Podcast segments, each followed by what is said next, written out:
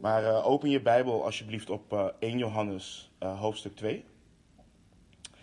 En ehm, hè, als je geen fysieke Bijbel hebt, dan kun je een Bijbel-app downloaden. Of dan kun je via de computer of via je iPad of wat dan ook. Kun je misschien, wij gebruiken de herziene statenvertaling als, als vertaling. Dus dan kun je naar de herziene statenvertaling.nl of wat dan ook. Um, we gaan vers voor vers er doorheen, dus ik lees de versen sowieso op. En ehm, dan weet je in ieder geval waar we het over hebben. Maar het is altijd goed om zelf een een Bijbel bij de hand te hebben. Dus 1 Johannes hoofdstuk 2, we pakken het op vanaf, uh, vanaf vers 12. Uh, ehm, daar zijn we gebleven. Laten we, laten we lezen, bidden um, en de tekst induiken om te ontdekken wat onze Hemelse Vader ons uh, vanochtend wil leren. Uh, 1 Johannes hoofdstuk 2 vanaf vers 12.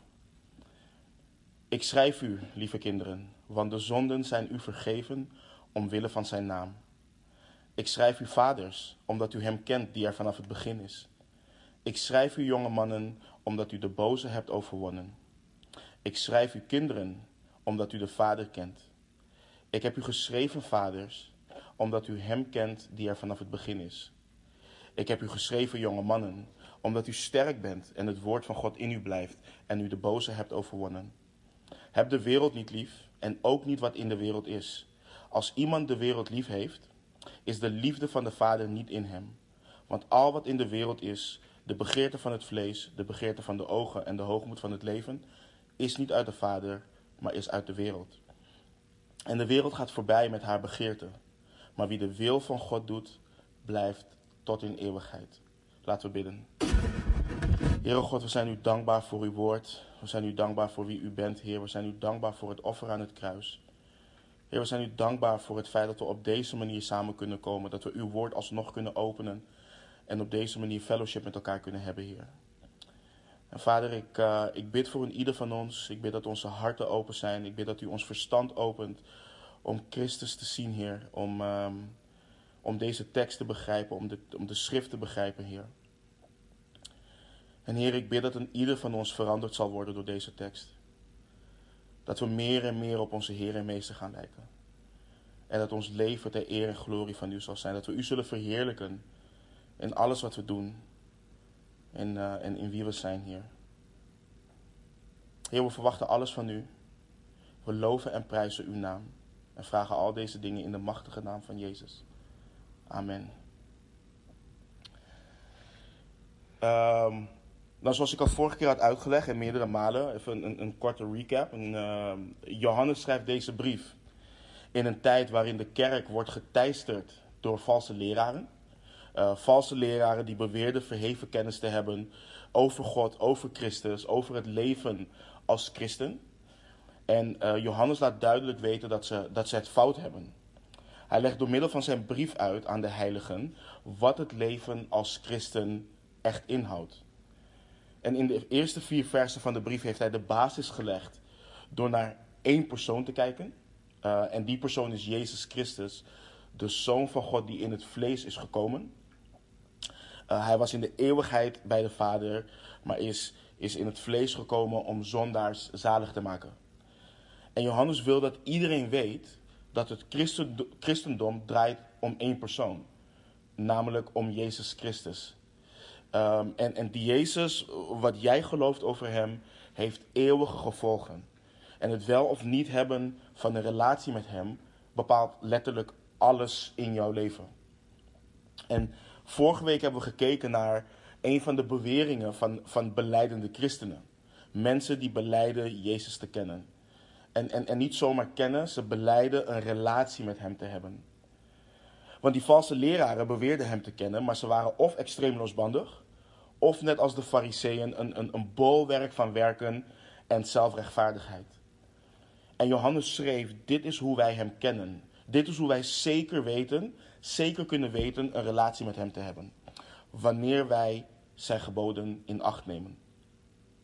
En Johannes maakte duidelijk, iedereen die daadwerkelijk een persoonlijke relatie met Christus heeft, iedereen die van hem houdt, die neemt zijn geboden in acht. Dus door het hebben van een relatie met Christus op basis van Gods liefde, op basis van Zijn genade en barmhartigheid, wordt een wedergeboren christen gedreven tot gehoorzaamheid. En Johannes ging verder en schreef over een nieuw, over, over, geen, uh, over een oud, maar toch een nieuw gebod. Hij schreef over het liefhebben van je broeders, broederliefde. En hij, en hij, ging, hij gaat de broeders en zusters herinneren en bemoedigen met prachtige waarheid over hun wandel met God en waarom hij uh, hen ook uh, schrijft. En hij wil de wedergeboren christen bemoedigen en herinneren aan belangrijke uh, waarheden. Want hierna gaat hij hen ook waarschuwen. Hij gaat hen waarschuwen tegen liefde voor de wereld. Maar eerst wil hij hen op hun hart drukken en bemoedigen dat ze een relatie hebben met Christus en met de Vader. Want dat is waar het om draait. En, en daarom begint hij in vers 12. Ik, ik schrijf u, lieve kinderen, want de zonden zijn u vergeven omwille van zijn naam. Ik schrijf u vaders, omdat u hem kent die er vanaf het begin is. Ik schrijf u jonge mannen, omdat u de boze hebt overwonnen. Ik schrijf u kinderen, omdat u de Vader kent. En ik heb u geschreven, vaders, omdat u hem kent die er vanaf het begin is.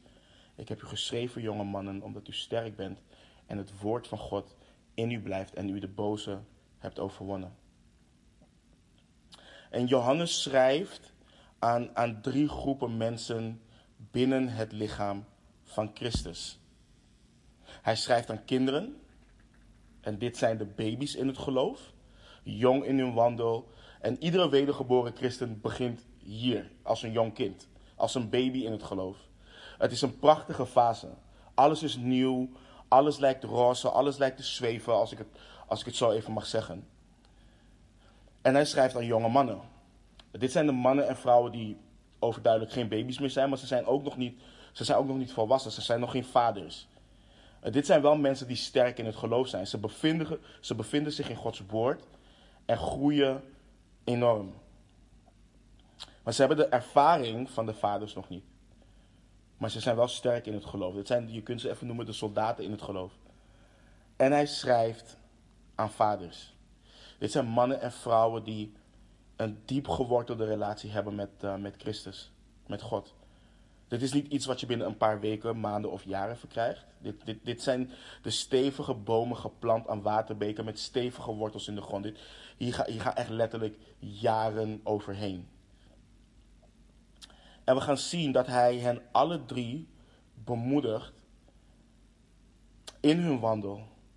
Maar wat we gaan zien is dat aan alle drie het, bij alle drie het nog steeds draait om Christus. Om hun relatie met God. Om hun relatie met het woord, geleid door de Heilige Geest die de auteur is van Gods woord.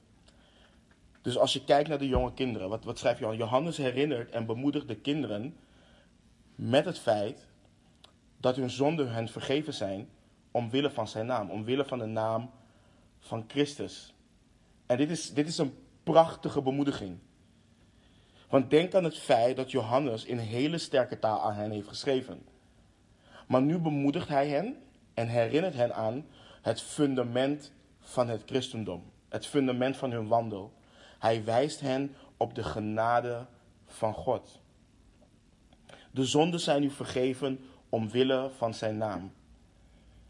En wat belangrijk is, is om te beseffen dat dit niet iets alleen is waar jonge kinderen aan herinnerd moeten worden.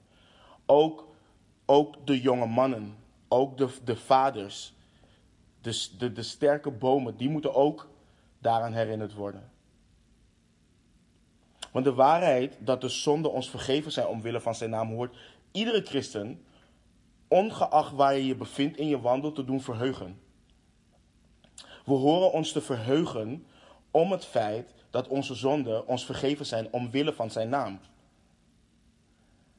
Het is iets waar we echt, echt in horen te verheugen. En de christelijke wandel omvat heel veel. Maar als er één ding is wat we nooit mogen vergeven, uh, vergeten, uh, is dit het.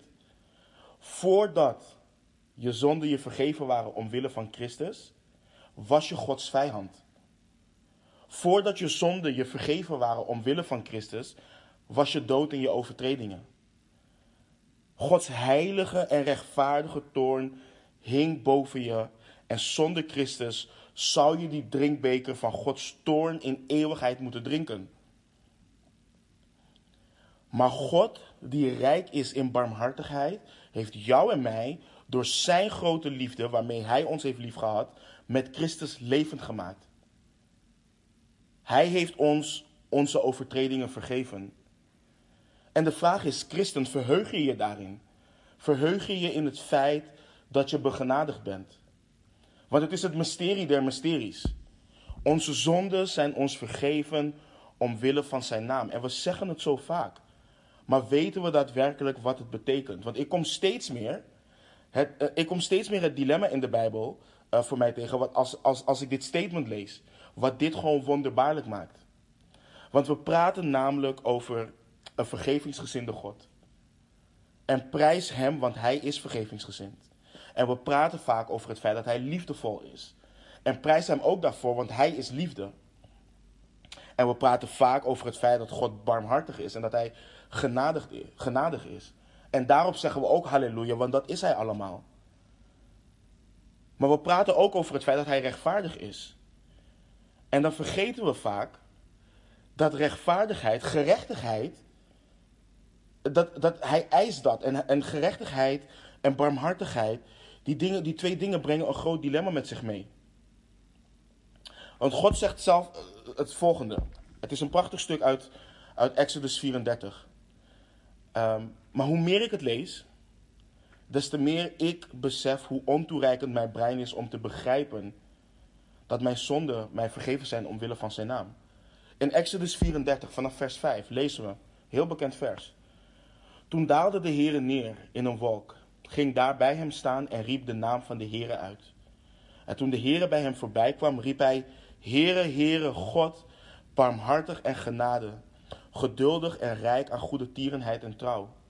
De goede tierenheid, die goede tierenheid blijft bewijzen aan duizenden. Die ongerechtigheid, overtreding en zonde vergeeft maar die de schuldige zeker niet voor onschuldig houdt. En de ongerechtigheid van de vaders vergeldt aan de kinderen en kleinkinderen tot in het derde en vierde geslacht. voordat ik verder ga, dit, dit vers hier wordt heel vaak gebruikt door die uh, bevrijdingsministries en al dat soort dingen om, om mensen te ehm, overtuigen en misleiden van het feit over generatievloeken en dat soort dingen. En dat is niet wat dit vers leert. Maar wanneer we door Exodus heen gaan, dan gaan we daar natuurlijk uitgebreid ehm, op in. Maar wat, wat dit ons presenteert is, ehm, wat ik al net zei, een, een, een dilemma. Want broeders en zusters, wij zijn schuldig. We zijn schuldig. Want de Heer heeft uit de hemel neergezien. En hij keek of er iemand verstandig was. Hij keek of er iemand was die God zocht. Maar we lezen dat er niemand rechtvaardig is, niet één. We lezen dat er niemand God zoekt. We lezen dat allen zijn afgedwaald en nutteloos zijn geworden en dat niemand goed doet. En Psalm 53, vers 4 leert ons: Ieder van hen heeft zich afgekeerd. Tezamen zijn zij verdorven. Er is niemand die goed doet, zelfs niet één. En hij schrijft hier over jou en mij. Hij schrijft hier over alle mensen. En nu hebben we de God van de Bijbel, Yahweh. En hij, waar, waarvan wordt geschreven in Habakkuk 1:13 dat hij terrein is. Dat hij terrein van ogen is om het kwade aan te zien. God van de Bijbel waar, waarover wordt gezongen in Exodus 15:11. Wie is als u onder de goden, heren? Wie is als u? Verheerlijkt in heiligheid, ontzagwekkend in lofzangen. U die wonderen doet. De God van de Bijbel waarvan de Heere Jezus zelf tegen de jonge rijke man zei. Niemand is goed, behalve één, namelijk God. En hij laat zondaars de hemel in. Hij laat mensen de hemel in die schuldig zijn, die geboren zijn in zonde, die dood zijn in hun overtredingen. Hij laat die mensen genieten van zijn heerlijkheid. En de vraag is, hoe kan dat? Want gerechtigheid eist straf. We lazen net dat hij de schuldige niet voor onschuldig houdt. Dus hij moet straffen, hij moet oordelen. Maar we, we lazen ook dat hij genadig is. Dat hij barmhartig is. En genade en barmhartigheid zijn op zoek naar een manier om te vergeven. En dus dat brengt dat die twee in conflict zijn met gerechtigheid wat straf eist. Straf eist. En als we dan weer ons eerste vers van vandaag lezen. In 1 Johannes 2, vers 12. Ik schrijf u, lieve kinderen, want de zonden zijn u vergeven, omwille van zijn naam. Het is omwille van zijn naam. Jezus Christus, de rechtvaardige, is het antwoord. Hij lost het dilemma op wat genade en barmhartigheid hebben met gerechtigheid. En laat dit ons niet zien dan hoe krachtig zijn naam is. Dit is het hart van het evangelie. Dit is de kracht van God tot zaligheid voor ieder die gelooft. En christen, verheug je je hierin. Roem je en roem je hierin en prijs je God om zijn majesteit. Wanneer we Bijbelstudie doen en wanneer we door, door, door de brieven heen gaan, en vooral in het Nieuwe Testament, dan lezen we de opening van de brieven en dan lezen we er zo overheen. Maar dit wat we vandaag hier lezen in vers 12 zien we elke keer terug. En het is iets waar, waar baby's, jonge mannen en vaders in Christus in horen te juichen. Want lees bijvoorbeeld hoe Petrus in 1 Petrus begint. In de opening van hij, in zijn brief schrijft hij in 1 Petrus 1, vers 3. Geprezen zij de God en Vader van onze Heer Jezus Christus, die ons overeenkomstig zijn grote barmhartigheid opnieuw geboren deed worden, tot een levende hoop door de opstanding van Jezus Christus uit de doden. Lees hoe Paulus zijn brief aan de heiligen in Efeze begint. In Efeze 1, vers 3 en 4. Gezegend zij de God en Vader van onze Heer Jezus Christus, die ons gezegend heeft met alle geestelijke zegen in de hemelse gewesten in Christus. Omdat Hij ons voor de grondlegging van de wereld in Hem uitverkoren heeft, opdat wij heilig en smetteloos voor Hem zouden zijn in de liefde. In de liefde.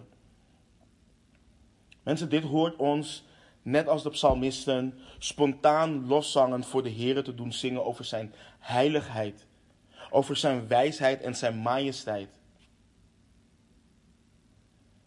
De vergeving van onze zonden omwille van zijn naam is de grootste zegen in de hele wereld.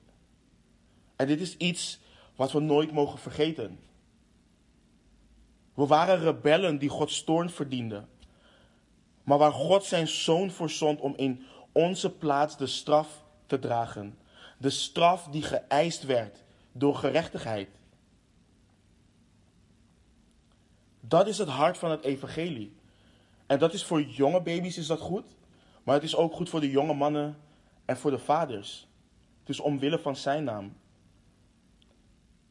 En de naam van Christus zegt wat over zijn reputatie, over zijn werk, over zijn karakter. Het is onlosmakelijk verbonden met wie hij is. Het is om wie hij is en hij alleen dat onze zonden ons vergeven zijn omwille van zijn naam. En hoe waar is Handelingen 4:12 dan? Waar we lezen, en de zaligheid is in geen ander. Want er is onder de hemel geen andere naam onder de mensen gegeven, waardoor wij zalig moeten worden. Ben je dankbaar dat er een naam is waardoor we zalig zijn geworden? Er is, er is geen andere naam. Er is maar één. Er is maar één middelaar tussen God en de mensen. De mens Christus Jezus. Heb je daar ontzag voor? De Heere Jezus zei zelf voor zijn hemelvaart in Lucas 24, vers 47. En in zijn naam moeten onder alle volken bekering en vergeving van zonde gepredikt worden. Te beginnen bij Jeruzalem. Geen speciale kennis, geen zelfrechtvaardigheid, geen Boeddha, geen Allah, maar Christus en Christus alleen. Alleen door zijn werk aan het kruis, door zijn rechtvaardigheid, is de mens in staat om zich te bekeren. Doordat de Vader hem of haar trekt. Door geloof in zijn naam kan de Vader de zonde van de persoon uitwissen en daar niet meer aan denken. Door zijn naam en zijn naam alleen. En maakt dit evangelisatie niet alleen maar makkelijker, als ik, het, als ik het even zo mag zeggen. Is er niet maar één naam die wij hoeven te verkondigen, die wij moeten prediken? Als je niets weet over de opname, Als je niets weet over de voedselwetten, als je niets weet over de sabbat, over het nieuwe en het oude verbond. Als christen weet je dat er maar door één naam mensen zalig kunnen worden. Dat is het enige wat je hoeft te verkondigen. Je weet dat er maar door één naam men bekering en vergeving van zonde geschonken kan worden. En de rest komt door Bijbelstudie.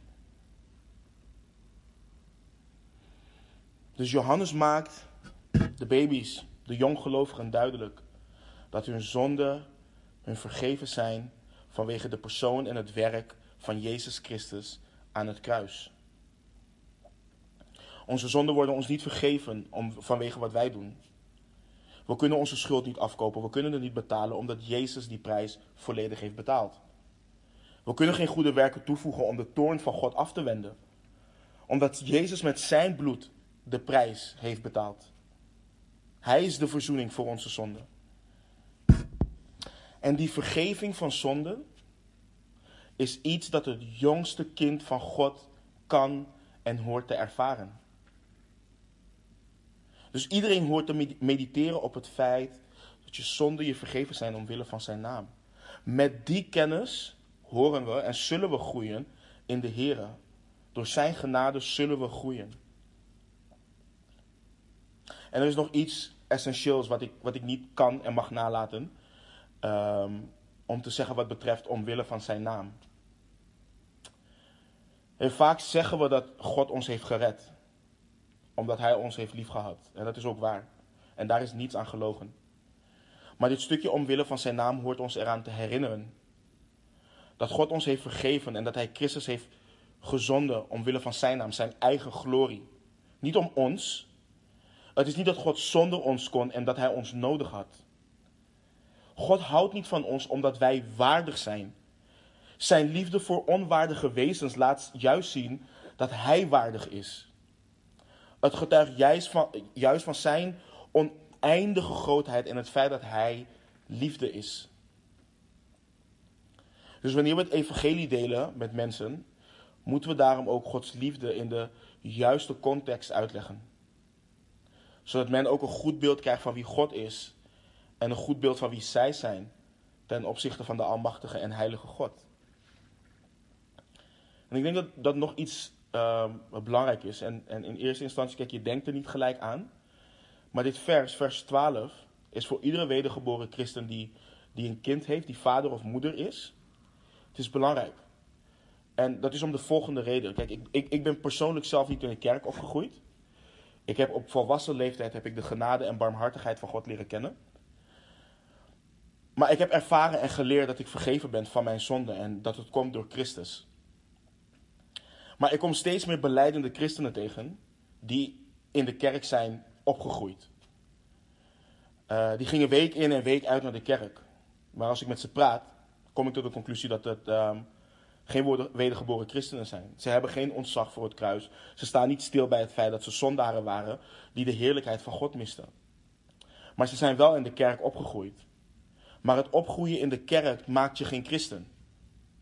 Geloven in Christus voor de vergeving van zonde, dat is wat ons christenen maakt. En ouders hebben de verantwoordelijkheid om hun kinderen deze waarheid bij te brengen. Ik hoorde laatst van een moeder waarvan haar kind in een grote stad woont, midden in het centrum. Ze leeft haar beste leven ooit. En het kind is altijd als christen behandeld, omdat het kind altijd naar de kerk ging. Tot haar zestiende of achttiende altijd vertrouwd, en, die, en, en, en haar moeder heeft altijd vertrouwd op het feit dat het kind naar de kerk is gegaan. En nu zien we om ons heen, hè, de hele wereld is in paniek in verband met het coronavirus, zelfs christenen. En haar moeder belt haar schreeuwend op om het kind uit te leggen, of eigenlijk te commanderen, dat het kind haar relatie met God moet gaan fixen, want de opname is volgens die moeder begonnen. En kijk, je kunt als ouder, je kunt niet verwachten dat je kind een christen is omdat het elke zondag tot hun achttiende of zestiende naar de kerk met je is gegaan. Leer je kinderen het evangelie. Kinderen moeten leren dat ze zondaar zijn en dat ze vergeving nodig hebben voor hun zonde. Leer ze dat Christus voor hun zonde is gestorven, overeenkomstig de schriften. En leer ze wat dit betekent. Want of je in de kerk bent opgegroeid of dat je vijf jaar geleden tot geloof bent gekomen, feit is en blijft dat God hen die Christus hebben aangenomen, de macht heeft gegeven om kinderen te worden van God. Zij die in zijn naam geloven, niet uit bloed, niet uit de wil van vlees en ook niet uit de wil van een man. Maar zij die uit God geboren zijn, zij waarvan hun zonden vergeven zijn omwille van zijn naam. En het is belangrijk als ouder om je kind dat mee te geven. Want we verbazen ons werkelijk zo vaak. Ons kind ging tot, tot een bepaalde leeftijd naar de kerk en waarom gaan ze opeens de wereld in? Omdat ze het evangelie niet kennen. En het is belangrijk om ze dat mee te geven. Net zoals Johannes de jonge kinderen dat hier meegeeft. De baby's in het geloof dat meegeeft. En Johannes schrijft ook aan de kinderen en bemoedigt hen met het feit dat ze de Vader kennen. En het is een prachtig ding, want vanaf het begin in onze wandel mogen we God als Vader leren kennen. Hij houdt van ons als een vader. Hij adopteert ons als zijn kinderen. Hij neemt ons aan. Hij houdt meer van ons dan onze aardse vader dat ooit zou kunnen. Weten dat God, God al onze zonden heeft vergeven en dat Hij onze Vader is, is fundamenteel voor onze wandel. En Johannes schrijft ook in hoofdstuk 3 van, van, uh, van deze brief. In 1 Johannes hoofdstuk 3, vers 1.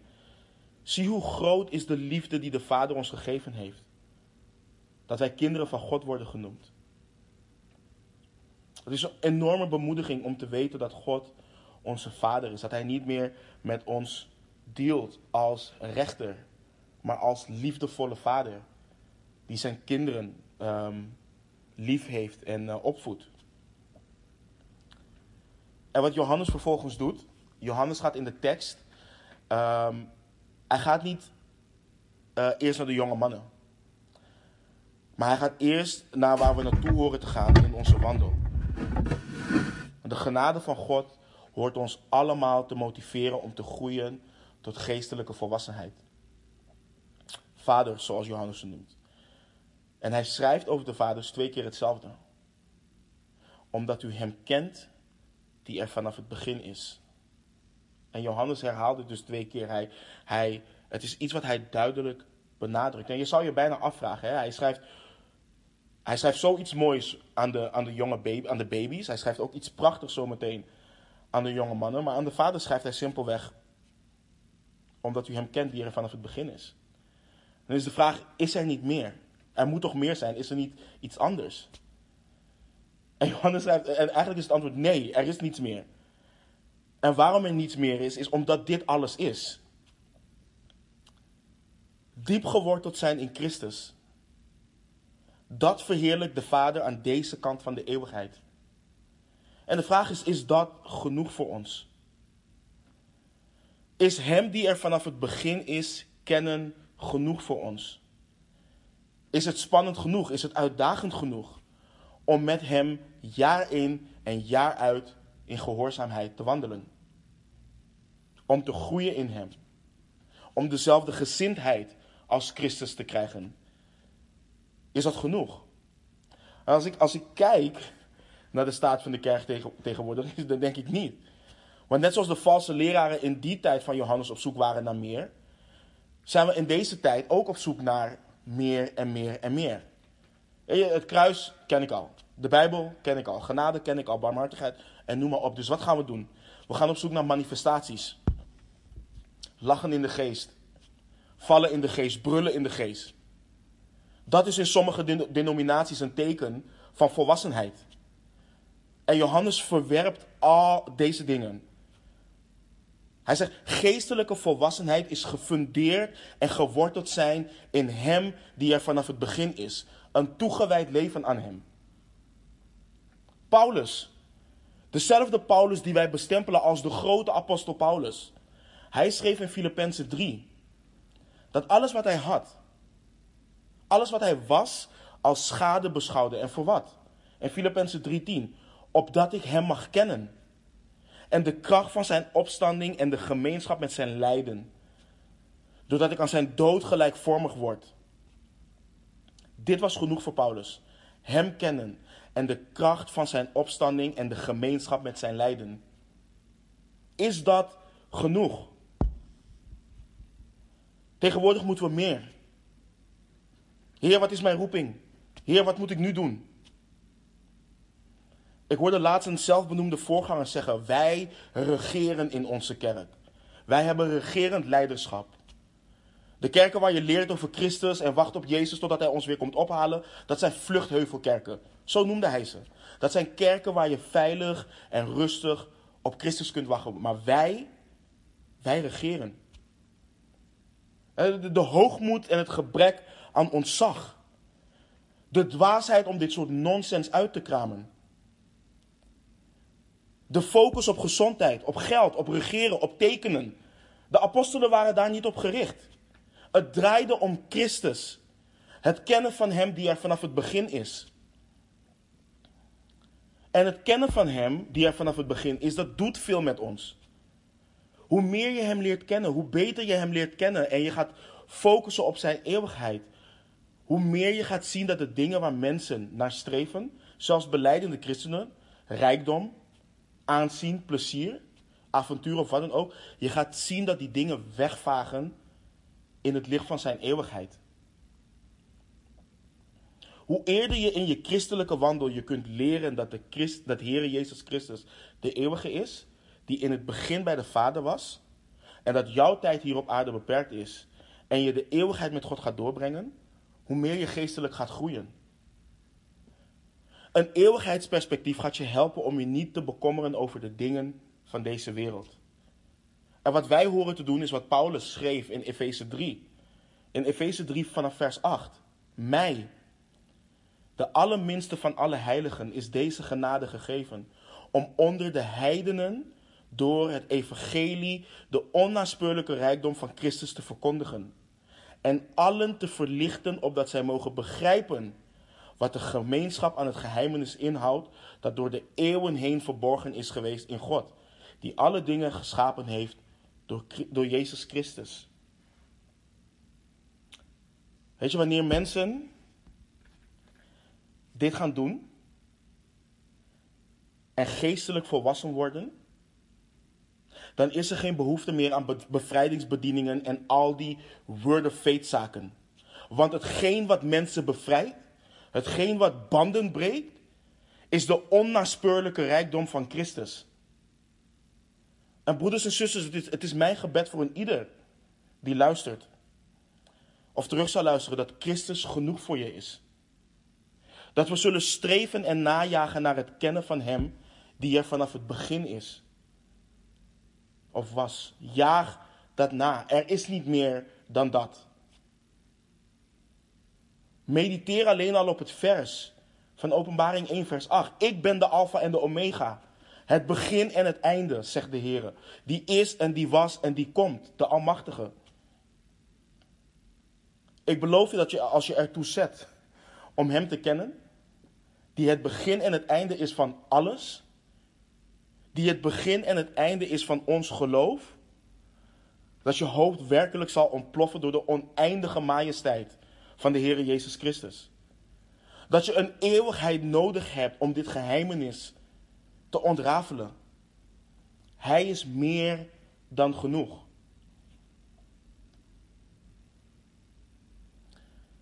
Hij is meer dan genoeg. Dus Johannes heeft het over de baby's in Christus gehad. Hij heeft het over de volwassenen in Christus gehad. En hij schrijft ook hoe we van baby's naar volwassenheid gaan. Want dat is, dat is iets. Dat elk, dat iedereen moet dat proces doorgaan. Weet je, de ene vindt het fijn en het is soms comfortabel om als baby door het leven te gaan. Maar we kunnen niet als baby door het leven blijven gaan. We horen te groeien. En hij schrijft dus wat essentieel is voor geestelijke groei. En dit doet hij door te schrijven aan hen die geen baby's meer zijn. Maar groeiende richting volwassenheid. De jonge mannen. De sterke jonge mannen en vrouwen in Christus. Hij schrijft hen, ik schrijf u jonge mannen omdat u de boze hebt overwonnen en ik heb u geschreven, jonge mannen, omdat u sterk bent en het woord van God in u blijft en u de boze hebt overwonnen.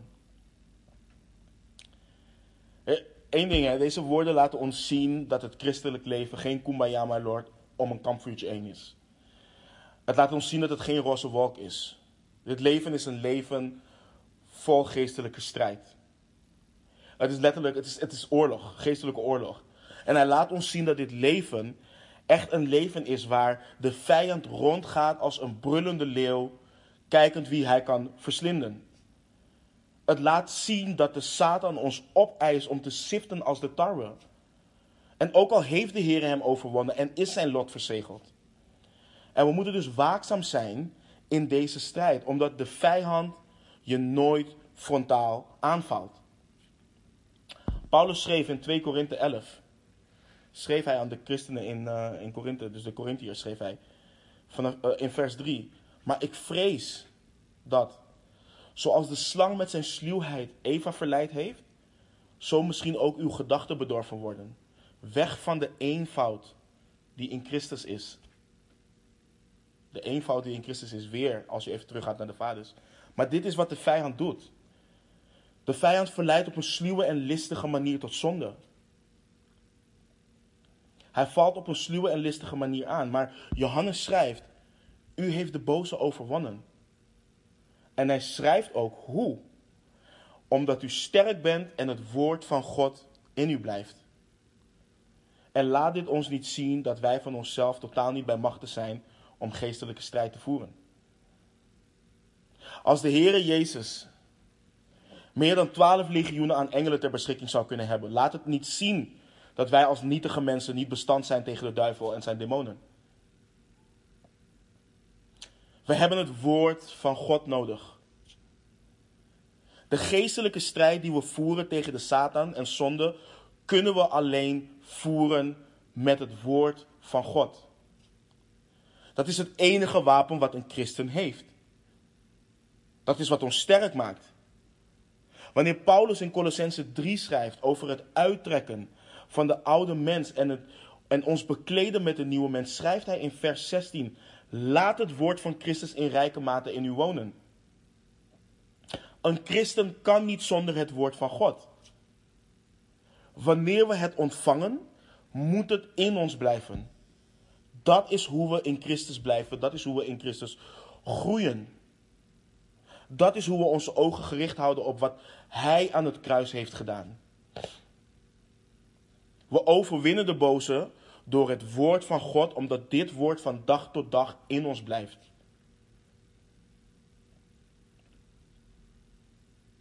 Het evangelie, het grote verhaal van verlossing en de grote Christus van verlossing en de grote God van verlossing. Dit evangelie, dit woord van God is niet iets wat we zomaar achter ons moeten laten. Het is niet iets dat we even al weten. We horen hier continu in te groeien. En de Heere Jezus zei: De woorden die ik tot u spreek zijn geest en leven. In het woord vinden we leven. Door het woord in rijke mate te laten wonen, kunnen we in overwinning over de vijand en zonde leven. Maar dit vergt van ons dat we ons toewijden aan het bestuderen van Gods woord. Dat is wat het van ons vergt. Niet dat we ons inschrijven van, voor een cursus bij een of andere lokale gemeente met de titel Vijf stappen waarmee je de, waarmee je de duivel kan overwinnen. Of drie dingen waar, waardoor je in overwinning kunt leven. Of vijf manieren om je beste christelijke leven te visualiseren. Al die dingen zijn rommel en nonsens. Het is allemaal New Age. Ik heb wel eens op, op YouTube heb ik video's gezien van ex-satanisten. Die beweren tot uh, bekering te zijn gekomen. En ze schrijven allerlei boeken. En, en geven allerlei lezingen en gaan kerken rond en langs. En leggen uit wat de strategieën van de duivel zijn. En ze zeggen wat je wel en wat je niet allemaal moet doen. Wat je allemaal moet weggooien uit je huis en noem maar op. Maar ze praten nooit over de kracht van Gods woord. Ze hebben het niet over het feit dat het enige wapen wat we hebben in de wapenrusting, om mee terug te slaan, het woord van God is. Het zwaard van de geest. Nee, maar ze vragen je om massaal hun boeken te kopen. Want dat is hoe je kunt leren om in overwinning te leven. Maar Johannes schrijft dat ze de boze hebben overwonnen omdat ze sterk zijn. En ze zijn sterk omdat het woord van God in hun leeft en in hun blijft. En wat dit inhoudt, betekent dat je je Bijbel pakt, je leest het en je bestudeert het. Je mediteert erop, je mediteert op Christus dag en nacht. Je leest het en als je het niet begrijpt, dan bid je en dan lees je het weer. Je vraagt God, of, of, of beter nog, je smeekt God om jouw verstand te openen. Dit is de enige manier waarop de strijd overwonnen wordt. Niet door die New Age rommel en christelijke demon busters en wat je allemaal hebt. Maar door gegrond te zijn in het woord van God. Wat gebeurde er toen de Heere Jezus werd verzocht in de woestijn? Er staat geschreven, er staat geschreven, er staat geschreven. Dat is waarmee hij de Satan verdreef. Ik kan er met mijn hoofd werkelijk niet bij. Dat er, dat, er, dat er beleidende christenen zijn die geen vreugde ervaren in Gods woord. Dat er kerken zijn die zich kerken van Christus noemen, maar het woord van God niet onderwijzen. David had vreugde over de wet, over Gods woord. In Psalm 119 lezen we dat hij de belofte van God had opgeborgen in zijn hart, opdat hij niet tegen God zou zondigen. Hij erkende dat hij zijn pad zuiver zou houden als hij het zou bewaren overeenkomstig Gods woord. En hij vroeg God: Ontsluit mijn ogen en laat mij aanschouwen de wonderen van uw wet. En is dat niet ons probleem? Verheugen we ons daarom niet meer in Gods woord? En vertrouwen we daarom nu op ervaringen en leringen van demonen die de evangelische kerken zijn binnengeslopen? Omdat onze ogen gesloten zijn voor Gods woord. En eh, de, de, de kerk, ik, ik, ik lees op allerlei christelijke platformen, de kerk vraagt om een opwekking. Men vraagt om een aanraking voor God en een ervaring met God. En men gaat massaal naar aanbiddingsavonden. En naar conferenties. En noem maar op, in de hoop op al die dingen.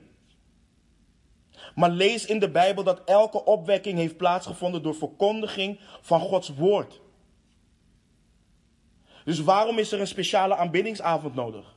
Waarom is er een conferentie eh, nodig? Omdat Gods woord niet meer gepredikt wordt en mensen op zoek zijn naar emotionele ervaringen. In jouw kerk hoor je een ervaring met God te hebben. Thuis achter je bureau met je Bijbel hoor je een ervaring met God te hebben. En Johannes schrijft, omdat u sterk bent en het woord van God in u blijft en u de boze hebt overwonnen. Als je echt in overwinning wilt leven, zoals dat zo populair wordt verkondigd tegenwoordig, pak je Bijbel, een schrift en een pen en begin met studeren. God spreekt door zijn woord en jij mag reageren in gebed. Jezus zei dat de waarheid mensen vrij zou maken. Jezus bad en vroeg aan God om ons te heiligen door zijn woord. Zijn woord is de waarheid.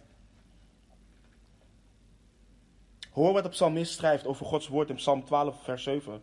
De woorden van de Heere zijn reine woorden. Als zilver gelouterd in een aarden smeltkoes. Gezuiverd zevenmaal. Perfect.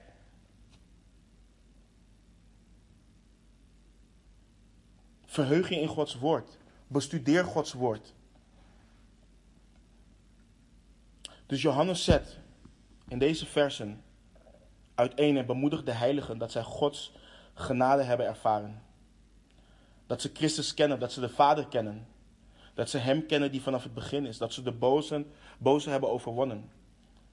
En het is een bemoediging om dit te weten. Zeker te midden van alle strijd tegen die valse leraren.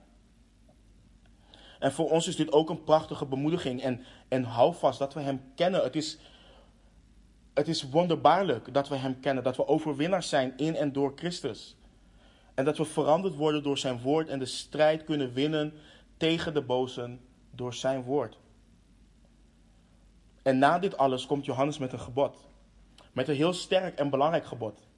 En we lezen vanaf vers 15. Heb de wereld niet lief. En ook niet wat in de wereld is.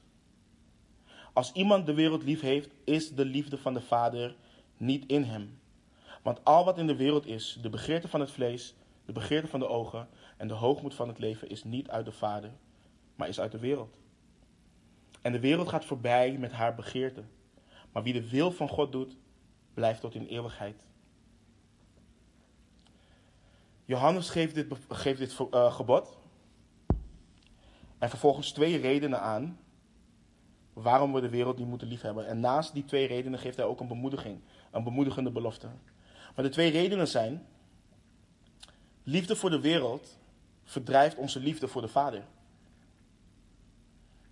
En de tweede is, en de wereld gaat voorbij met al haar begeerten. De wereld is tijdelijk.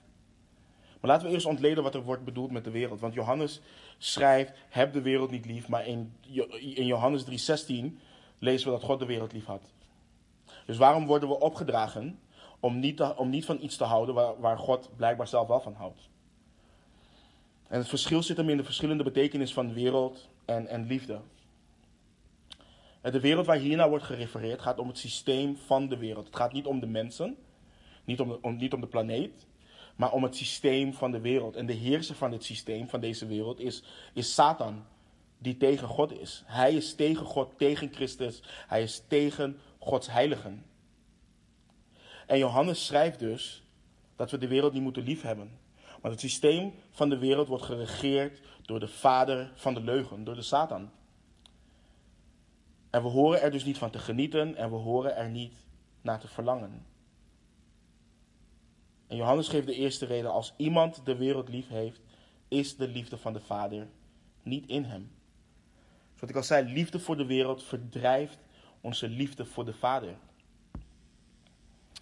We kunnen niet van beide houden, omdat die twee tegen elkaar ingaan. Dus Jacobus schrijft ook heel sterk hè, over dit onderwerp. Bijvoorbeeld, Johannes schrijft nu: als je de wereld lief hebt, heb je de liefde van de Vader niet. Dat is wat Johannes schrijft. Maar Jacobus die gaat een stap verder. Hij schrijft in Jacobus 4, vers 4: Overspelige mannen en vrouwen. Weet u dan niet dat de vriendschap met de wereld vijandschap tegen God is? Wie dan nu een vriend van de wereld wil zijn, wordt als vijand van God aangemerkt. Dus wanneer je voor de wereld kiest, kies je automatisch tegen God. En we moeten goed onthouden dat het een keuze is. Ook al trekt de wereld hard aan je, het, het, het leven en het, het liefhebben van de wereld, het is een keuze. We moeten bewust gaan kiezen wie we liefhebben. We moeten bewust kiezen wie we dienen.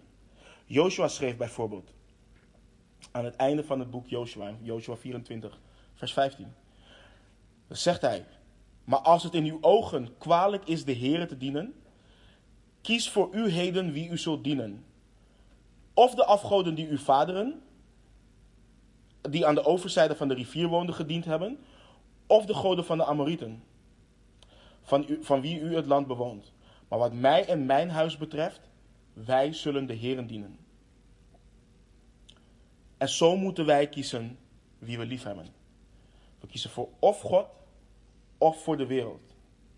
En, en het is belangrijk om, om, om te zien wat Johannes hier doet. Kijk, stel, we lezen weer even vers 15 en vers uh, eh, 16. Want Johannes maakt een sterk punt. Hij schrijft: Heb de wereld niet lief en ook niet wat in de wereld is. Als iemand de wereld lief heeft, is de liefde van de Vader niet, niet in hem. Want al wat in de wereld is, de begeerte van het vlees, de begeerte van de ogen en de hoogmoed van het leven, is niet uit de Vader, maar is uit de wereld. Nou, stel dat we nu even de begeertes weglaten. En we lezen het vervolgens zo. Heb de wereld niet lief en ook niet wat in de wereld is. Als iemand de wereld lief heeft, is de liefde van de Vader niet, in hem. Want al wat in de wereld is, is niet uit de Vader, maar is uit de wereld. Dus wat Johannes doet, hij maakt een heel duidelijk statement. Hoe kun je, houden van de, hoe kun je beweren van de Vader te houden ehm, als je van de wereld houdt? Want je houdt van iets wat niet uit de Vader is. Je houdt, het heeft, het heeft zijn wortels niet in de Vader maar uit een andere bron. Dus het zijn twee totaal verschillende werelden. God is licht en in hem is in het geheel geen duisternis. Dat hebben we gelezen. En de Vader wordt de Vader der lichten genoemd in Jacobus 1. Maar de Satan wordt de vader van de leugen genoemd. Dit is, dit is hetzelfde dilemma als wat de Heer Jezus ook presenteerde in Matthäus 6:24. Niemand kan twee heren dienen. Want of hij zal de een haten en de ander liefhebben, of hij zal zich aan de een hechten en de ander minachten. U kunt niet God dienen en de mammon. Je zult de een haten en de ander liefhebben. Je zult je aan de een hechten en de ander minachten. En, en let goed op wat Jezus schrijft in Matthäus, of wat hij zegt in Matthäus 6, 24. Jezus zegt niet, niemand zal twee heren dienen. Hij zegt, niemand kan twee heren dienen. Het kan niet. Je kan niet van zowel de wereld zijn als van God. Maar dan is de vraag, wat is het liefhebben van de wereld? Want er is veel misverstand daarover. De een zegt dat als je van je huis houdt, dat je al werelds bent. Als je uitkijkt bijvoorbeeld naar het verbouwen van je huis, of als je bijvoorbeeld een nieuwe auto wilt, dan, dan, dan ben je al werelds, zegt de een. En ik ben het daar totaal niet mee eens, want dat is niet wat de Bijbel leert. Dit heeft niets met bezittingen te maken.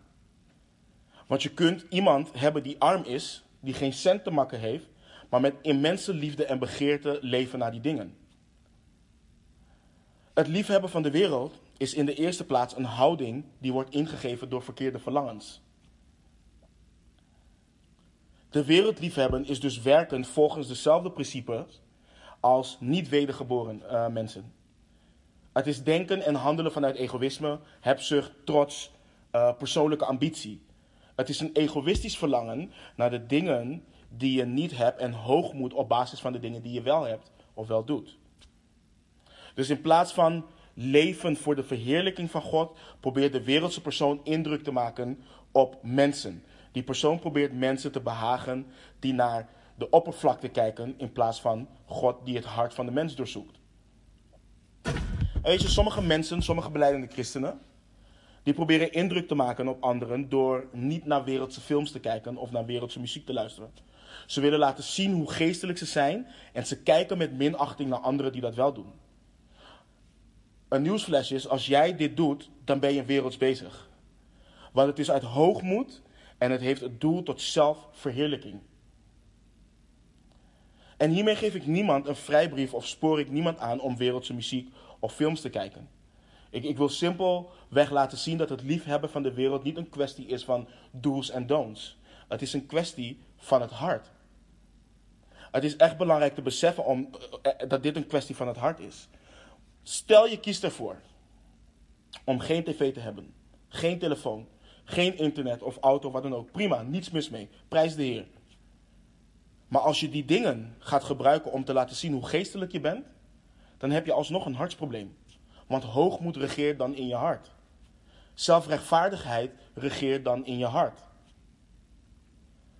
Dus dat is, dat is de ene kant van, van het spectrum. Maar je hebt nog een andere groep die zich op basis van dit vers gaat afzonderen. Ze gaan zich isoleren van de wereld. Want je mag de wereld niet liefhebben. En voor je het weet, leven ze met een groep christenen op een boerderij, hebben ze kippen, kweken ze alles vanzelf. En dat is niet wat dit vers ons leert. Want de Heer Jezus bad in Johannes 17: Ik bid niet dat u hen uit de wereld wegneemt, maar dat u hen bewaart voor de boze. En hoe kunnen we dus het licht van de wereld en het zou de aarde zijn als we ons isoleren als christenen van de wereld? Paulus schreef ook in 1 Korinthe 5, vanaf vers 9. Ik heb u geschreven in de brief dat u zich niet moet inlaten met ontuchtplegers. Echter, niet in het algemeen met de ontuchtplegers van deze wereld, of met de hebzuchtigen, of rovers, of afgodendienaars, want dan zou u uit de wereld moeten gaan. Maar nu heb ik u geschreven dat u zich niet moet inlaten met iemand die, terwijl hij een broeder wordt genoemd, een ontuchtpleger is, of een hebzuchtige, of een afgodendienaar, of een lasteraar, of een dronkaard, of een rover. Met zo iemand moet u zelfs niet eten. Dit biedt context. En dat is wat we nodig hebben wanneer we de Bijbel lezen: context. Dus als, als hier staat, we moeten de wereld niet lief hebben en we zeggen daardoor, oké, we zonderen ons af. Dan is wat Paulus hier zegt, ja, dan, dan moet je dus uit de wereld gaan. En dat is niet wat, uh, wat de Heer Jezus van ons vraagt. Een teken dat iemand de wereld lief heeft, en dat is ook een belangrijke om te beseffen. Een teken dat iemand de wereld lief heeft, is als een persoon praat als de wereld. Als een persoon lacht om de dingen van de wereld. Geniet van de dingen van de wereld en noem maar op. Ze noemen de naam van Jezus. Ze gaan naar de kerk. Ze geven misschien zelfs bijbelstudies of gaan voor of wat dan ook. Maar ze genieten van dezelfde funstige grappen en entertainment van de wereld. En dat is niet oké. Maar de vraag is, wat moeten we dan doen?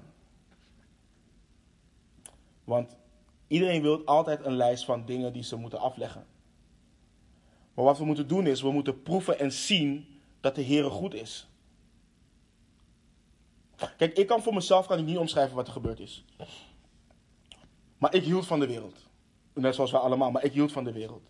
Maar toen ik de Heer leerde kennen, kreeg ik een afkeer voor alles wat ik daarvoor deed. Ik walgde van iedere zonde. Ik walgde van de dingen waar ik naar luisterde. Ik walgde van de dingen waar ik naar keek. Hoe ik sprak, alles. En het is niet alsof iemand me heeft gezegd: je mag niet meer zo praten, je mag niet meer naar dit kijken, je mag niet meer naar dat luisteren. Maar Gods woord veranderde mij. Ik las versen als Filippenzen 4:8. Verder, broeders, al wat waar is, al wat eerbaar is, al wat rechtvaardig is, al wat rein is, al wat liefelijk is, al wat welduidend is, als er enige deugd is, als er iets prijs en waardig is, bedenk dat. Of versen als Romeinen um, 12, versen 1 en 2. Ik roep u er dan toe op, broeders, door de ontfermingen van God om uw lichamen aan God te wijden als een levend offer. Heilig en voor God welbehagelijk. Dat is uw redelijke, redelijke godsdienst. En word niet aan deze wereld gelijkvormig. Maar word veranderd door de vernieuwing van uw gezindheid om te kunnen onderscheiden wat de goede, welbehagelijke en volmaakte wil van God is. Wanneer je dit soort versen bestudeert met, het, met een hart om God te behagen, dan verandert het woord van God je voor altijd. En het veroordeelt je. Paulus schrijft ook, en dat is wat wij moeten doen, in Filippenzen 4 weer, vers 4. Verblijd u altijd in de Here. Ik zeg het opnieuw. Verblijd u. Weet je, dit klinkt misschien heel hard wat ik nu ga zeggen, maar ik wil voor een ieder van ons dat we zeker weten waar we staan. Je kunt momenten hebben dat je je niet uh, kunt verblijden. Die momenten bestaan. Maar als we dit nooit hebben, als wij ons nooit verblijden in de Heer, als het niet ons verlangen is om Gods wil te doen, maar we beleiden een christen te zijn, dan moeten we ons serieus afvragen of we wedergeboren zijn, of dat onze liefde voor God is afgezwakt door onze liefde voor de wereld. Het is echt iets wat we ons moeten afvragen. We moeten onszelf onderzoeken of we in het geloof zijn. En ik heb het niet over een goed gevoel hebben tijdens het aanbidden van de Heer door middel van muziek. Ik heb het over zoeken en het doen van Gods wil. Het geloven en vertrouwen op Zijn goedheid. Het openen van je Bijbel om de geheimenis van Christus te onderzoeken. Want dit is wat, dit is wat Eva overkwam. Al deze dingen, drie dingen wat we hier zien, zie je bij haar in de Hof van Eden. In Genesis 3:6. En de vrouw zag dat die boom goed was om ervan te eten. En dat hij een lust was voor het oog. Ja, ja, een boom die begeringswaardig was om er verstandig door te worden. En zij nam van zijn vrucht en at. En ze gaf ook wat aan haar man die bij haar was en hij at ervan. Eva zag dat de boom goed was en verlangde ernaar, terwijl God zei: Van alle bomen van de hof mag u vrij uit eten. Ze ging begeren wat ze niet had, terwijl ze zoveel had. Ze vertrouwde niet op God, wat hij gegeven had, dat het goed was. En zo is het ook wanneer wij ons niet verheugen in Hem en Zijn wil niet willen doen. En het is belangrijk om te beseffen, er is niets, maar dan ook niets fijners dan in Gods wil zijn. Er is niets fijners dan je te verheugen in de Heer, omdat Hij goed is. En begrijp me niet verkeerd, het, het is niet erg om een nieuwe baan te willen, of een nieuw huis, of een verbouwing, of wat dan ook. Maar ik denk dat we onszelf wel serieus moeten blijven afvragen: wat zijn mijn motieven? Wat leeft er in mijn hart? Wat doe ik? Is mijn leven ingericht? Ben ik in, ingesteld om God te verheerlijken? En Johannes geeft nog een bemoedigende belofte in vers 17. En de wereld gaat voorbij met haar begeerte. Maar wie de wil van God doet, blijft tot in eeuwigheid. De wil van God doen is in zijn liefde blijven en daar ook in groeien. Het tegenovergestelde van de wereld liefhebben is niet alleen de Vader liefhebben, maar ook Hem gehoorzamen, de wil van God doen. En de wil van God verwijst of refereert naar het gehoorzamen van zijn geboden, zoals geopenbaard in zijn woord. Zoals Jezus zei: Als je me lief hebt, zul je mijn geboden in acht nemen. Dus, weet je, kijk, als je, als je van de wereld houdt, of van de dingen in de wereld, verlies je ze allemaal bij de dood. Dat is gewoon een gegeven. Alles waar de wereldse persoon voor leeft, is in een oogwenk verdwenen en betekent niets in het licht van de eeuwigheid. En je ziet het nu ook met het hele corona gebeuren om ons heen. Nu meer dan ooit gaan mensen, oh ik moet mijn beste leven nu leven. Want kijk hoe kort het leven is, kijk hoe kwetsbaar het leven is. Oh, wat ik heb um, betekent helemaal niks. En zelfs als je je wereldse verlangens hebt verleid, of, uh, um, bereikt, dan is de vraag: wat voor nut heeft het allemaal wanneer je, wanneer je doodgaat? Maar als je Gods wil doet, dan verzamel je schatten in de hemel waar niemand bij kan. Je blijft bij Hem in de eeuwigheid. Bij Hem in de hemel. En dat is een, dat is een bemoedigende belofte waar we naar uit mogen kijken. Want de dag komt dat Hij ons komt halen. Om met Hem de eeuwigheid door te brengen. Dus Johannes heeft in deze verse heeft hij broeders en zusters bemoedigd. God wil niet dat wij als christenen, wil niet dat, dat zij een verslagen leven leiden. En wil juist dat ze groeien in zijn genade. Groeien van baby's naar jonge mannen tot volwassen christenen. En daar komen keuzes bij kijken. En een belangrijke keuze is liefde. Als ik kies om om, om God lief te hebben, dan zal ik groeien. Omdat ik sterk zal zijn en sterk zal worden door zijn woord. En als ik kies voor de wereld, dan blijf ik precies zoals ik ben. En dan bewijst het ook dat ik God nooit heb leren kennen. En zal ik door de liefde voor de wereld juist de dingen van God gaan minachten. En de vraag is vanochtend, waar kies jij voor? Laten we bidden. Heere God, we zijn u zo dankbaar voor uw majesteit. We, willen u loven en prijzen dat u zo groot bent, Heer. En we zijn u dankbaar omdat onze zonden ons vergeven zijn, omwille van zijn naam, Heer. O Heer, ons brein is ontoereikend om te begrijpen wat dat betekent, Heer. En toch kunnen we het ervaren. Toch mogen we daarin leven. En dat komt door uw goedheid, Heer. Het komt omdat uw geest getuigt met onze geest dat wij uw kinderen zijn. En dank u wel daarvoor. En Heer, dank u wel voor uw woord, Heer. Dank u wel dat wij mogen groeien door uw woord. Dat wij sterk mogen worden door uw woord. En dat wij de boze kunnen overwinnen door uw woord, Heer. En ik bid voor een ieder van ons dat ons verlangen, dat het zal groeien naar u, naar uw woord, Heer, om u beter te leren kennen. Om sterk te worden, om stand te kunnen houden, om geworteld en gefundeerd te zijn in Christus. En Heer, ik wil u danken voor het feit dat wij u mogen kennen, dat wij Hem mogen kennen die vanaf het begin is. En Heer, dat het genoeg voor ons zal zijn. Dat wij ons zullen verheugen in U. Dat wij zullen verheugen in het wandelen in gehoorzaamheid aan U. En dat wij mogen groeien in onze liefde voor U en dat dat de liefde voor de wereld mag verdrijven. En Heer, ik, um, ik bid voor een ieder die worstelt.